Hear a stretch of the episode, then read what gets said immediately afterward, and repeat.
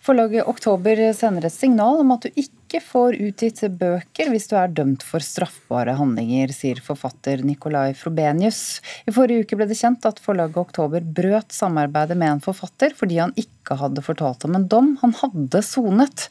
En dom som ifølge forlaget gjør at boken hans kan leses i et helt annet lys.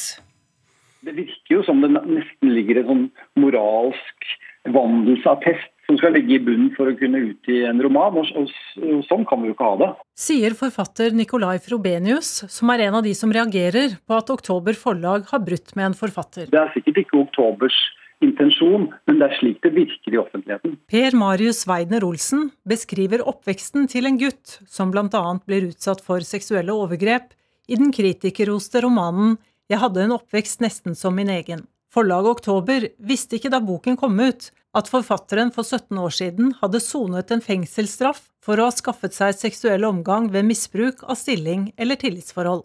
Forlagssjef Ingrid Engelstad sier dette er brudd på tillitsforholdet til forfatteren. Vi anser tillitsforholdet mellom forfatter og forlag som veldig vesentlig. Denne romanen handler ikke om eh, det forholdet som han er dømt for, men det har en overlappende tematikk som gjør at det helt klart er relevant informasjon for oss å få. Blant forfatterne som reagerer, er Marie Aubert, og hun er helt uenig med Nicolai Frobenius. Jeg ser at noen prøver å gjøre det her til en diskusjon om ytringsfrihet, eller hva en forfatter kan eller ikke kan skrive om. Og det er interessante diskusjoner, men det er ikke relevant i denne saken. Marie Aubert har erfaring fra forlagsvirksomhet, og gir ut sine bøker på forlaget Oktober. Men her snakker hun bare på vegne av seg selv som forfatter, presiserer hun. Selvfølgelig kan man skrive en god bok om overgrep, selv om man har vært dømt for et tillitsbrudd. Og det kan til og med være en svært viktig bok. Men dette handler om hva som er rollen til et forlag, og hva man da ønsker å ha av eh, informasjon når man går i gang med et samarbeid. Forlaget Oktober sier at det å vite om relevant informasjon gjør at de kan ta de nødvendige etiske vurderingene de har ansvar for å gjøre, i forkant av utgivelsen. Det ville gitt dem mulighet til å beskytte både forfatteren, den fornærmede i saken, og romanen fra en slik situasjon som den som nå har oppstått. Men Nicolai Frobenius mener forlaget sender ut et signal som kan gjøre at forfattere vi trenger, ikke våger å oppsøke et forlag. Fordi vi trenger også forfattere som har kunnskaper om det å begå kriminelle handlinger, f.eks. Vi trenger jo ikke minst forfatteres innsikt i noe annet enn den bedrestilte eh, kulturelle middelklassen. Reporter Elisabeth Grøndal. Nå til alle dere som sitter og brenner inne med masse penger og har lyst til å kjøpe kunst, for det er faktisk slik at da kan man gjøre et varp for tiden. For koronakrisen får nå nemlig flere bedrifter til å selge kunstsamlingene sine. Så reporter Thomas Alvarstein Ove, hvorfor det? To åpenbare grunner. På den ene siden så har det bedrifter som trenger penger fordi butikken går dårlig under pandemien. Og på den andre siden så har du utspredelsen av hjemmekontor og digitale møter som eh, gjør at flere bedrifter eh, satser på mindre tilstedeværelse av folk i kontorlokalene. Og dermed mindre behov for å gjøre lokalene lekre for ansatte og besøkende. Ja. Så, så hvem konkret er det som selger? Kanskje den viktigste aktøren er Deutsche Bank, som sitter på en av de aller største bedriftseide kunstsamlingene i verden. Nå skal banken ifølge magasinet Forbes redusere samlingen sin med 4000 verk, ned fra 55 000, så de har noen igjen. Eh, dette skyldes at de også skal redusere antall ansatte med intet mindre enn 18 000, som da gjør at de får færre vegger å henge kunsten eh, på. Så har det flyselskapet British Airways, som har solgt unna store deler av kunsten som tidligere hang i førsteklasse-loungene rundt på verdens flyplasser. Og Thomas Cook, eh, charterselskapet, har solgt kunst for å unngå konkurs, og i tillegg flere andre. Mm.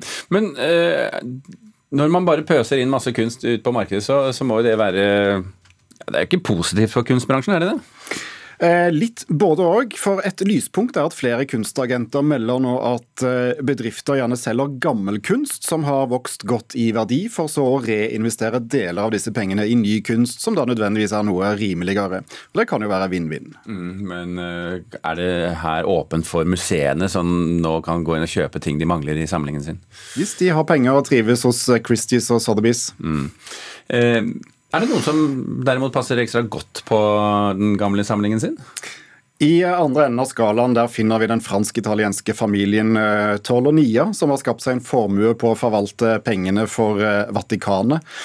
Eh, de sitter på den største private samlingen av marmorstatuer fra den romerske og greske antikken. 620 i alt. De skal ikke selge noen av dem, tvert imot så har de restaurert 90.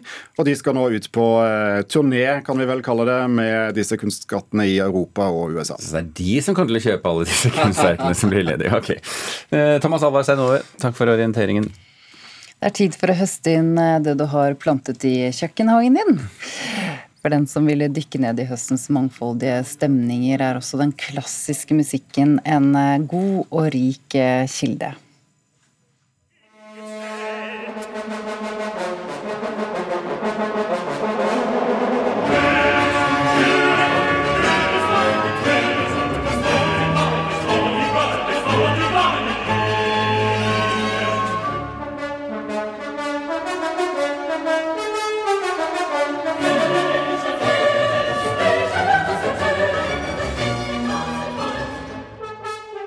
Dette er musikk av Josef Hayden fra hans oratorium. Årstidene fra 1801. Musikkanmelder her i NRK, Øystein Sandvik, velkommen.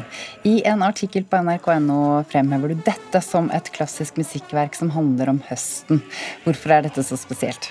Altså Det fins en lang og karakteristisk tradisjon innenfor klassisk musikk for musikk som nettopp skildrer høsten. Og innenfor denne tradisjonen så er jo høsten da særlig bondens og jegerens eh, årstid. Jegeren, ikke sant, som vi hører her med disse gjallende jakthornene. Og Det er jo kanskje også da eh, åpenbart at den har sin storhetstid før det moderne industrisamfunnets gjennombrudd, hvor uh, veldig mange av oss jobba innenfor uh, jordbruket. Uh, 1600-1700-1800-tallet. det mest karakteristiske, karakteristiske, eksempelet er nok kanskje Vivaldis årstidene, altså høsten derfra. Men det vi hørte her, altså Haydens oratorium årstidene fra 1801, det er på en måte kulminasjonen av hele denne tradisjonen. Her finner du hele på en måte katalogen av musikalske virkemidler samla på ett brett. Du mener at høsten er den mest musikalske av alle årstider? Hvorfor det? Ja, altså det er jo på en måte dette at uh, høsten har sitt uh, karakteristiske soundtrack, kan du si. Den har sin lydverden. ikke sant? Man brukte faktisk disse jakthornene her, og det de hørte i denne musikken, er autentiske hornsignaler som man brukte i jakt uh, i gamle dager. folkedans er lett å ty til. ikke sant? Det var en tid for innhøsting, fest, grøde, overflod. Men samtidig så er jo høsten motsetningens, motsetningenes årstid. ikke sant? Det er en tid for sorg og melankoli. Ting visner og dør. Sånn sett så er jo også høsten en mer poetisk eh, figur som tar utgangspunkt i et indre mørke. altså En slags indre høst. og Det er jo mange komponister som gjør det, særlig utover på 1800-tallet. Et av de flotteste eksemplene finner du hos Gustav Mahler.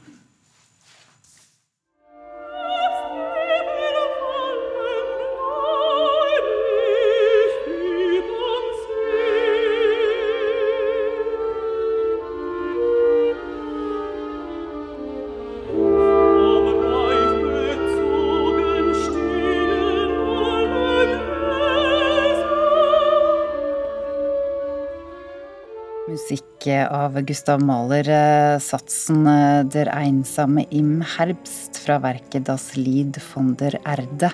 Hva slags høst er det vi møter i dette verket, Øystein Sandvik? Altså, dette er jo rett og slett en gripende skildring av bunnløs sorg. Og dette var også en veldig tung tid i Malers liv, helt på slutten av livet hans. Han hadde akkurat mista sin eldste datter. Han var ikke så gammel, han var i midten av 40-åra. Ble diagnostisert med en eh, for så vidt ganske bagatellmessig hjertediagnose, men han tolka det som en dødsdom. Døde bare noen få år senere også, faktisk. Og i denne krisetiden så finner Mahler trøst i noen sånne eldgamle kinesiske tekster fra Tang-dynastiet, altså 700-800-900-tallets Kina, og skaper da det som mange regner som hans mesterverk, altså denne Das Lied von der Erde eh, som spiller rundt altså den kontrasten mellom naturens skjønnhet og menneskelighets skrøpelighet. og Da blir jo høsten med en gang et tema som melder seg. Mm. Helt til slutt, eh, Halloween-feiringen i slutten av oktober har jo blitt en del av eh, den norske kulturen etter hvert, og mange skal ha fester med små kohorter, kanskje. Eh, finnes det noe relevant musikk eh, som man kan bruke? Absolutt. altså Den klassiske musikken er jo, rik av skildringer av på en måte dette demoniske universet. ikke sant? Den har sine netter på Bloksberg, den har sine heksesabbater hos Berlioz osv. Men halloween betyr jo egentlig allehelgensaften, og, og allehelgens dag er jo en høytid hvor vi har mulighet til å minnes våre, minnes våre døde. Eh, og Da står det jo selvfølgelig veldig mye klassisk musikk til rådighet. Det er jo masse rekviemesser man kan høre på. Mozart, Verdi, Berlioz igjen osv. Men jeg har lyst til å trekke frem en litt mer sånn mindre, litt mer intim og personlig liten sak av Arvo Pärt, også den estiske komponisten. Hans 'Cantus in memoriam Benjamin Britten', også, som han skrev som hyllest til sin um, kollega, komponistkollega som døde i 76. Han skrev dette i 1977. En enkel, men veldig sånn gripende hyllest uh, av Britten, som passer som sjelesorg i alle mulige slags sammenhenger.